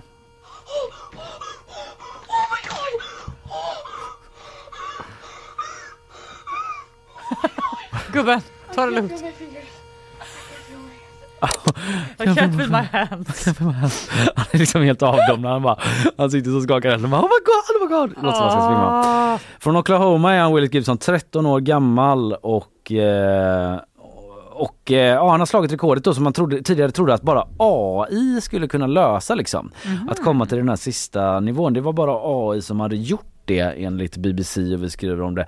Jag eh, lite små djupdök, ja det är väl att ta i men jag kollade lite klipp. Jag gick nyheten. vidare med nyheten i slutet av förra veckan när det här kom och det visade sig då att eh, inom eh, Tetris så har det funnits en dominerande strategi, ett sätt att spela under eh, väldigt lång tid. För du måste ju vara, för det här är på NES då, alltså vanligt Nintendo, då har man en sån Mm. Handkontroll och då måste du kunna flytta då de här klossarna som faller ner väldigt snabbt och vrida på dem. Mm. Och t- från början spelade man bara så med ena tummen liksom. Mm. Eh, och flyttade bla bla bla. Det gick ju ganska långsamt. Sen kom man på någonting, en strategi som hette rolling.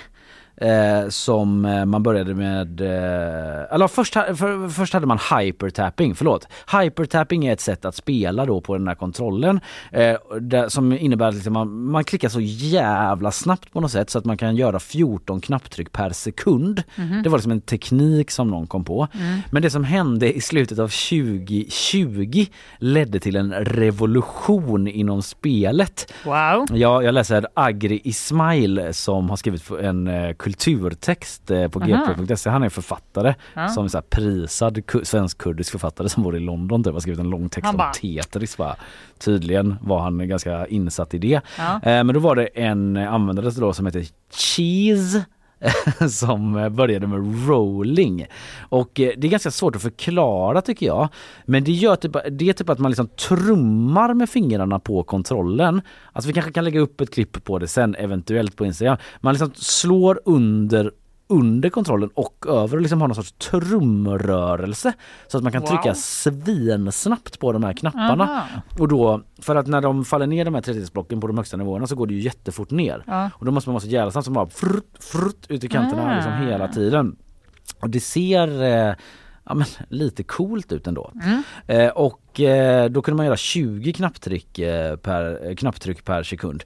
Eh, men det var ändå då bara eh, en AI som hade liksom lyckats på något sätt då komma till den här nivå 155 på Mm. NES-versionen. Och det är liksom en hel har du sett den här King of Kong, den klassiska dokumentären? Nej. Det är om Donkey Kong arkadspelet Aha. på, på eh, liksom, som gjordes i Japan av Nintendo eh, som är en sån hel värld kring att man ska slå det rekordet. Det är en Mm. väldigt bra dokumentär som Mm. handlar om olika spelare och det känns li- lite samma vibb Mm. kring Tetris då att det finns de här spelarna som tävlar om att slå rekord på varandra hela tiden. Ett ganska tight community liksom. Mm. Eh, Så jag såg Mys. lite Youtube-klipp typ när andra spelare reagerar på att han klarar det och alla typ verkar så skitglada för hans skull. Mm. Den här 13-åringen som också är så här, han är 13 år, han går runt med ett sånt Pokémon-gosedjur och är väldigt så här Ja men en, li- en liten gamer. Ja, det är ju Eh, gulligt. Ja, verkar vara eh, ja, li- lite speciell person eventuellt då. Men,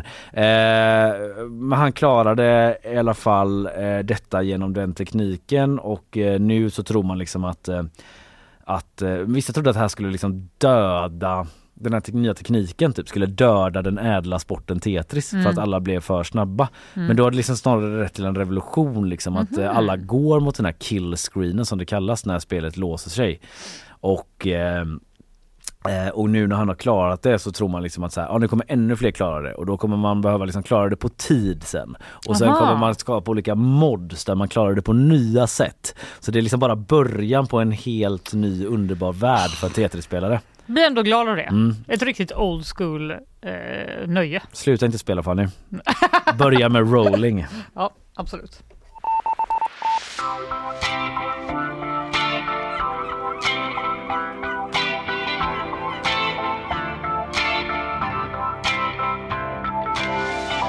Men det bara berörde mig ganska mycket på djupet ska jag säga snabbt för att jag spelade mycket Nintendo när jag var liten och då satt man med en puttekula så här för man skulle trycka väldigt snabbt på A och du ser, alltså, du ser hur långsam jag är.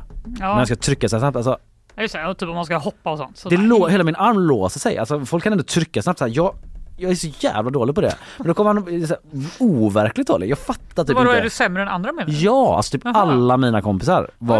Oj så här, jag, Ett jag bara, barndomstrauma. Ja, trycker stående. Men då kommer man kunna dra en puttekula över. A-knappen. Och då fick man liksom full mätare på eh, track and field till exempel. Ett sånt eh, spel där man ska så springa Ja, ett lopp. Ja. Eh, men det kan man inte göra på Tetris för att om du drar då över A-knappen, man kan inte dra över styrkorset, men drar man över A-knappen så snabbt då bara vrider du klossen Ja, så här absurt fort liksom så det hjälper inte så mycket.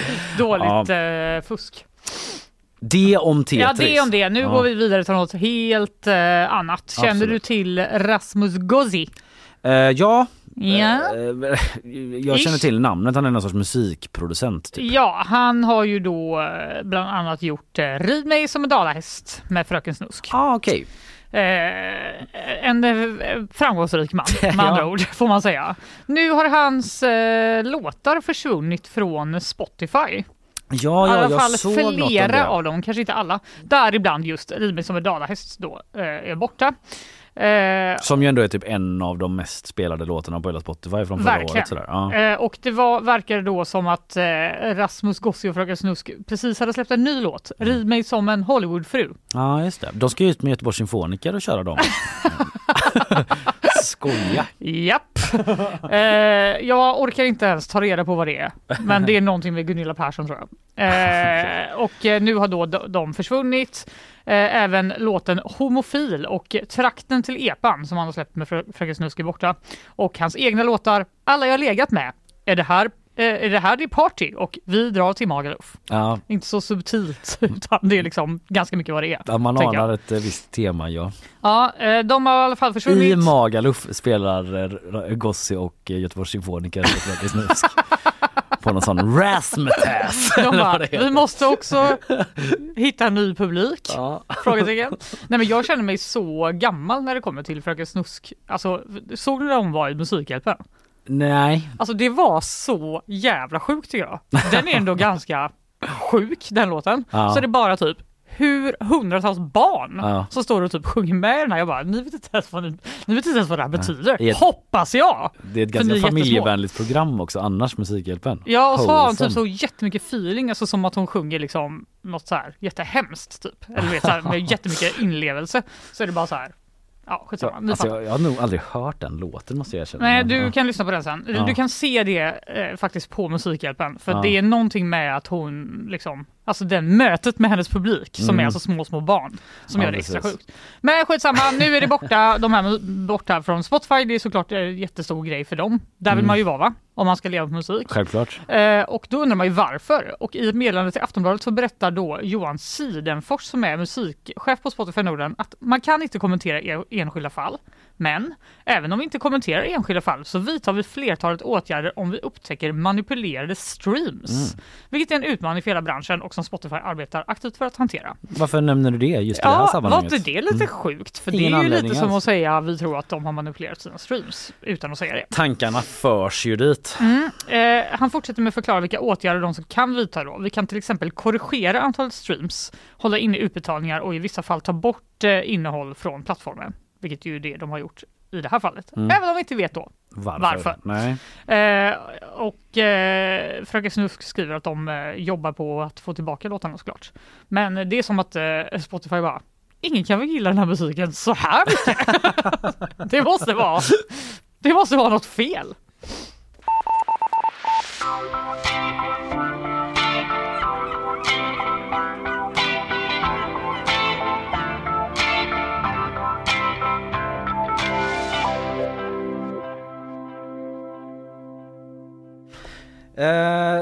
Har du varit på Madeira? Nej, Det har jag.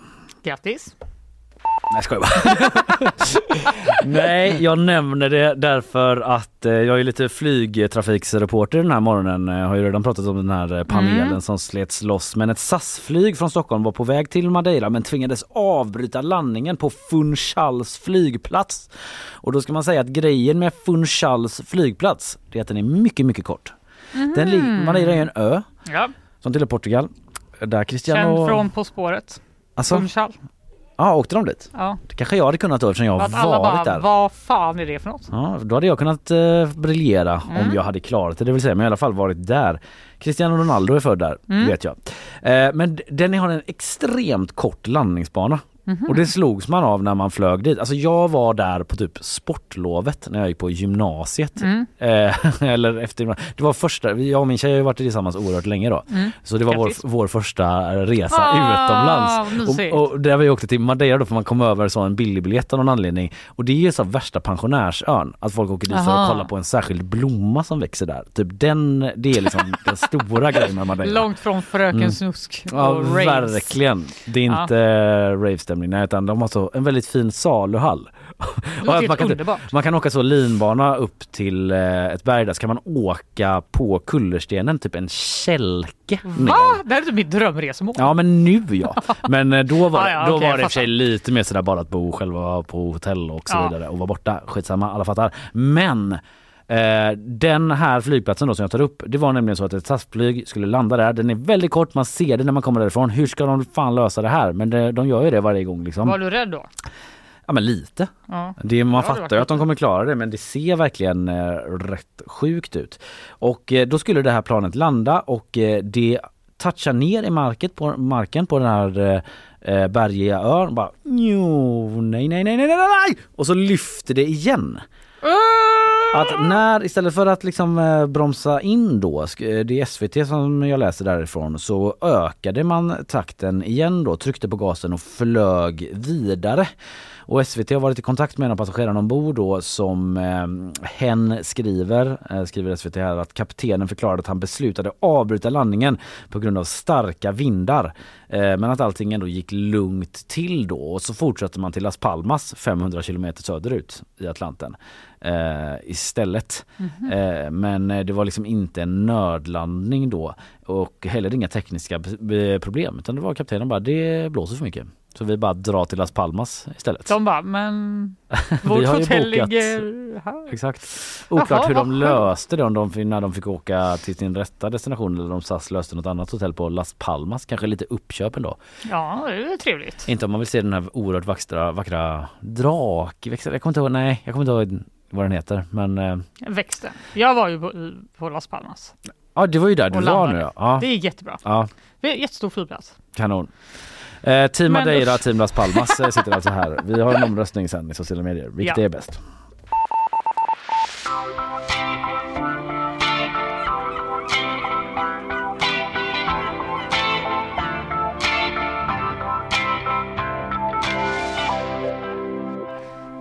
Vi, vi börjar med ett ljud tycker jag. Mm. Vet du vad det här är? Främlingarnas hövding nickade. Därpå gav han henne en befallning som såg ut att hon ogärna vilja lyda. Jag hade inte vetat det om jag inte hade hört vad du sa att du skulle prata om i början av det här programmet. Exakt. Det är E-Type som läser Röde Orm i flera timmars direktsändning. Vinnlägger han sig extra om att ha en melodi i uppläsningen med tanke på att han är känd för att ha den här It's time to get together we're a dream team full steam Tänk om han hade läst den i sån E-Type. Alltså, Spela den igen då. En liten bit. Främlingarnas hövding nickade. Därpå gav han henne Gav en han- befallning. Därpå gav han en, en befallning att lyda. I flera timmar. I flera timmar läser jag så här. Ja. Och sen kommer hon bara Röde orm. Det här är kapitel två. Alltså vet du vad? Jag känner nu bara, varför gjorde han inte det? För att det som hände, det var... Ska jag ge lite kontext kanske? Ja, jag babbla vad det handlar om. Just det, jag vet vad det handlar om. Kanske inte lyssnarna. De som inte vet det är att eh, då i lördags från morgon till eh, sen kväll klockan 22 så eh, hade de en direktsänd högläsning av romanen Röde Orm på Mm. SVT Play. Där bland annat då Martin E-Type Eriksson läste. Det är hans favoritbok. Det är det. Inte helt oväntat. Den handlar ju om vikingar va? Den handlar om vikingar. Han sa något om det. Ska vi se om jag har det huvudet här. Ja, första exemplaret har börjat trill- trilla isär i bitar, men det är en trygghet, det är en tröst. Det är min lilla, min lilla bibel kan man säga. Det är E-Types lilla bibel kan man säga. E-Types lilla bibel. Ja, eh, Det, du, då ska han inte springa in i Johan Hilton, vår eh, kulturchef här. För att eh, vi pratade om, för det var ju känt tidigare att han skulle läsa det här. Ja. Eh, nu har det skett liksom, men eh, då pratade vi om Röde Orm. Och jag tror att Karl, vår producent, mindes den som ganska bra.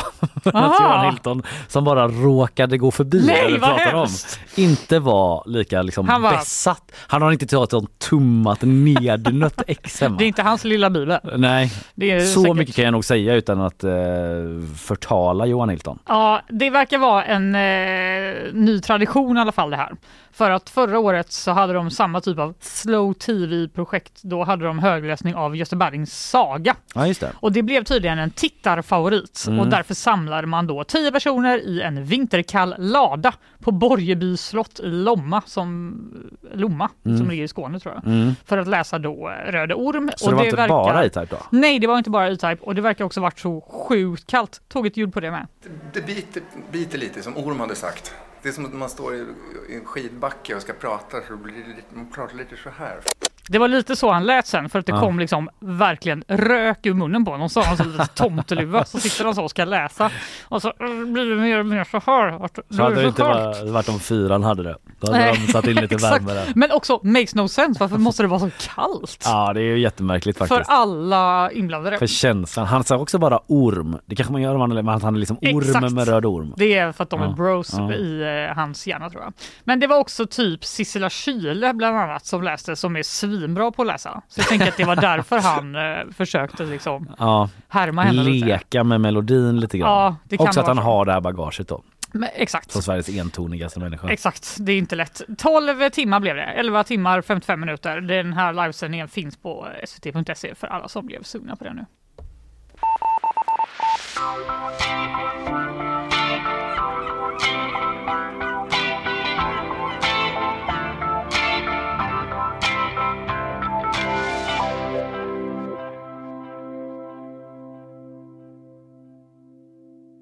Eh, jag har två grejer på min lilla lista. Okej, jag, kan ta, jag kan ta dem snabbt. Ja. Eh, det är en rubrik jag läst på gp.se. Förundrad polis efter långjakt på Forrest Gump i Partille och Mölnlycke. Va? Ja, ibland, allt ibland gör liksom polisen det där lilla extra, en insats. Här är det frågan om en polis som verkligen eh, verkligen har liksom Ville fånga en skurk. verkligen ville fånga en skurk. Okej. Korrekt Fanny. Det blev personal. Ja, en tjuvarnas Forrest Gump, det var polisinspektören Magnus Åsenfors kallade den misstänkte mannen som jagades med, med, eh, med polisen hack i häl i nästan tio timmar Åh. efter ett inbrott i Sävedalen. Och då är det liksom ingen biljakt eller att han jagades typ av en utredning som Nej, liksom la triangulerade mobilmaster inte, och sånt. nej, det var inte det som de gjorde där med den kinesiska studenten. Nej, det var precis. inte bankomatkort och internetuppkopplingar utan Utan det här är en jakt till över stock och sten. Som det beskrivs i alltså artikeln. den skurken bara, skurken, men han bara kan ni Alltså nu får ni sluta. Jag har sprungit i tio timmar. Ingen polis har, borde ha så här bra kondition. Det springer så jävla långsamt på slutet, du vet, båda bara Nej! Klockan 02.28 på natten eh, till tisdagen kom larmet som fick polisen att rycka ut då till Kullagårdsvägen i Sävedalen. Eh, Läs på. Ett kameralarm avslöjade den här inbrottstjuven och polisen eh, ryckte ut då som sagt och jakten gick eh, bokstavligt talat över stock och sten när tjuven begav sig ut i skogsområdet i Puketorp. Puketorp kan jag som min egen bakficka. Så han bara Här kommer de aldrig ifatt mig. jag är liksom Puketorps-Tarzan Ja. eh, där. Eh, Okej. kan varenda skrymsle bra. Eventuellt då. Vem är det här? Den frågan ställer sig Magnus Åsenfors, utredningsansvarig och polisinspektör, när timmarna gick. Han säger så här då. Jag har själv varit ute och sprungit efter gärningsmän och jag vet inte många som gör sånt här som ens klarar av att springa ifrån polisen nerför gatan. Ja, poliser är snabba menar han. Ja, ja, Alltså de, i vanliga eh, fall. Det är ju inte vem som helst som kan bli polis va? Nej, exakt. Eh, många viker, sig, viker benen efter 300 meters språngmarsch. De orkar inte ens prata. Här har vi någon som sprungit i över nio timmar som borde satsa på en annan bransch. You'll never catch me alive! Skriker han. Först efter en minut, sen igen Men efter vad- åtta timmar. I said you will never Men förlåt, me men vilken bransch är det han ska satsa på? Han ska bli polis då? Nej men typ ultramaratonbranschen. Han och Clara Henry som håller på med det. Men det Kan- kanske han redan gör. Det vet man ju Kanske, nej vi vet inte mycket om det eh, mer än att han har sprungit så här långt då. Forrest Gump och så kommer det inom parentes här. Rollfigur i amerikansk film med samma namn från 94. Ja, ja, ja. Reds Anm. Men vi känner till det. Ja, det Ändå bra. Eh, var det första jag tänkte på säger den här polisen. Han bara springer och springer och springer. Eh, och eh, det verkar ha varit en väldigt motiverad gärningsman då för att även om det inte var 10 minus i tisdags. Det var ändå mitt i natten liksom. Ganska så kallt. Snö, blåst och, blåst och iskyla. Och eh, sprang de runt i, då, i den här terrängen. Totalt deltog ett tiotal polispatruller, helikopter och drönare. Så det kanske inte är en polis som har sprungit efter honom i nio timmar. Nej, Det var det- något missvisande. Det var ju, alltså det borde ju varit det om det skulle vara rättvist. Eh, ja. För han var ju bara själv. Det var inte så, som att den eh, tjuven bara stafett! Också Nu får du bara, ja, börja springa. precis. Exakt. Men också bara springa, springa, springa när man har en drönare över sig. För att springa ifrån typ en helikopter. Eh, han hade, bara för att påminna, eftersom Emily vår producent liksom pedagogiskt undrar i chatten vad fan var det han hade gjort. Men han hade gjort inbrott i ett Men hus. han kan ju liksom. inte burit med sig någonting då? Nej, att han sprang där typ så med en platt-tv och så. En Mocca Master. Bara, eh, I vatten upp till midjan. För det står att spåren tyder på att han vadat på flera ställen. Med detta då. Sen greps han att han har tagit sig igenom hela Delsjöområdet. Åh herregud. Du vet att man är ute i den slingan typ och springer en gå 8 kilometer för motion. Så kommer det en snubbe med liksom typ en platt-tv och Hallå? en sån liten soda och bara springer förbi en typ. Bara, vad i? Fan snor det, är det bara Rönnqvist som skulle få för sig. Snå en soda. Ja, men det var en motiverad gärningsman, det måste man säga. På vilken grund det får utredningen visa varför han var så himla okej. mån. Eh, men uthålliga poliser, han lyfter då Magnus Åsenfors då, den här utredaren som vi har pratat med. Att, eh, dels så säger han att han är känd av polisen sedan tidigare eh, och att han är anhållen för grov stöld då, den här mannen i 30-årsåldern. Jo jag tackar jag. Fitt för sin ålder. Eh, och, Det är inte för sent för dig, Kalle. Nej eller hur. Springa. Varvet 2024. Sen vidare till Sävedalen. eh, nej men att eh, man vet inte om det var slumpen om varför han bröt sig in just där han bröt sig in och så vidare då. Men jag måste framhålla, säger Magnus Åsenfors, det oerhört gedigna eftersökningsarbetet som görs. Det är inte minst enskilda polisers engagemang och uthållighet, bokstavligen då, Ja, ja. eh, som gör att man till sist jobb. jagar ner gärningsmannen eh, med vissa tips från arbets eh, eller allmänheten. Men att så här, eh, eh, de får också en fråga då om det är rimligt eh, på ett sätt då att man ska med helikopter, drönare och så många poliser söka efter en Ja, inbrottstjuv. Eh, och då säger han ja, det är det ungefär för att man måste eh, prioritera den här typen av brott. Polisen ser inte med blida ögon på någon som begår sånt här brott och inte gör rätt, eh, och det gör inte rättssystemet heller.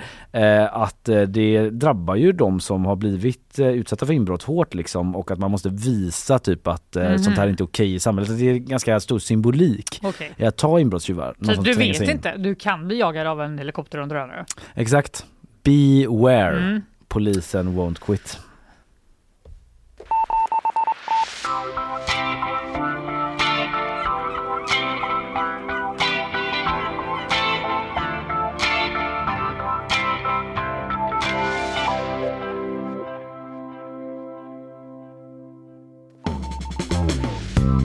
Yes, årets första nyhetsshowen är slut för idag Fanny. Va? Vad fort det gick. Det gjorde Som det i vanlig ordning. Ja, det var roligt. Jag har pratat om Golden Globes. Eh, Ludvig Göransson vann. Eh, Enda svensk som gjorde det. För Alexander Skarsgård gjorde det inte. Nej. Och bästa drama blev Oppenheimer som blev ja, stor eh, vinnaren under galan som hölls i natt. Då. Ja. Sen har jag också snackat om en flygplansvägg som slets ut mid-air och som har gjort att tiotusentals passagerare blivit strandade nu då i väntan på säkerhetskontroller. Jätteläskigt. Jag pratade om eh, kinesiska utbytesstudenter som tvingas kidnappa sig själva. Mm. Och eh, så hade vi Essats eh, Yusuf här, vår reporter eh, på GP, kollega som pratade om Rosenlundsverket. Mm. Nu ser det ut som att man går vidare med utredningen om huruvida det ska bli ett nytt Berghain nattklubb om man ska bevara eh, det här eh, verket som ligger vid Järntorget typ för kulturverksamhet. Ja. Eller om man ska riva det. Mm. Och sen eh, var Sofia Magasanik med oss under morgonen också läste nyheter och berättade senaste nytt om den här allvarligt skadade polismannen som Mm. vi hört om under morgonen då efter en insats i Jönköping. Väldigt dramatiskt. Eh, det om det. Imorgon är det du och Linnea. Får vi höra vad Linnea haft för sig under ledigheten också? Det vill man veta va? Visst vill man? Ja, jag ska gå ut och grilla henne nu. Ha, ha det gött! Hej då!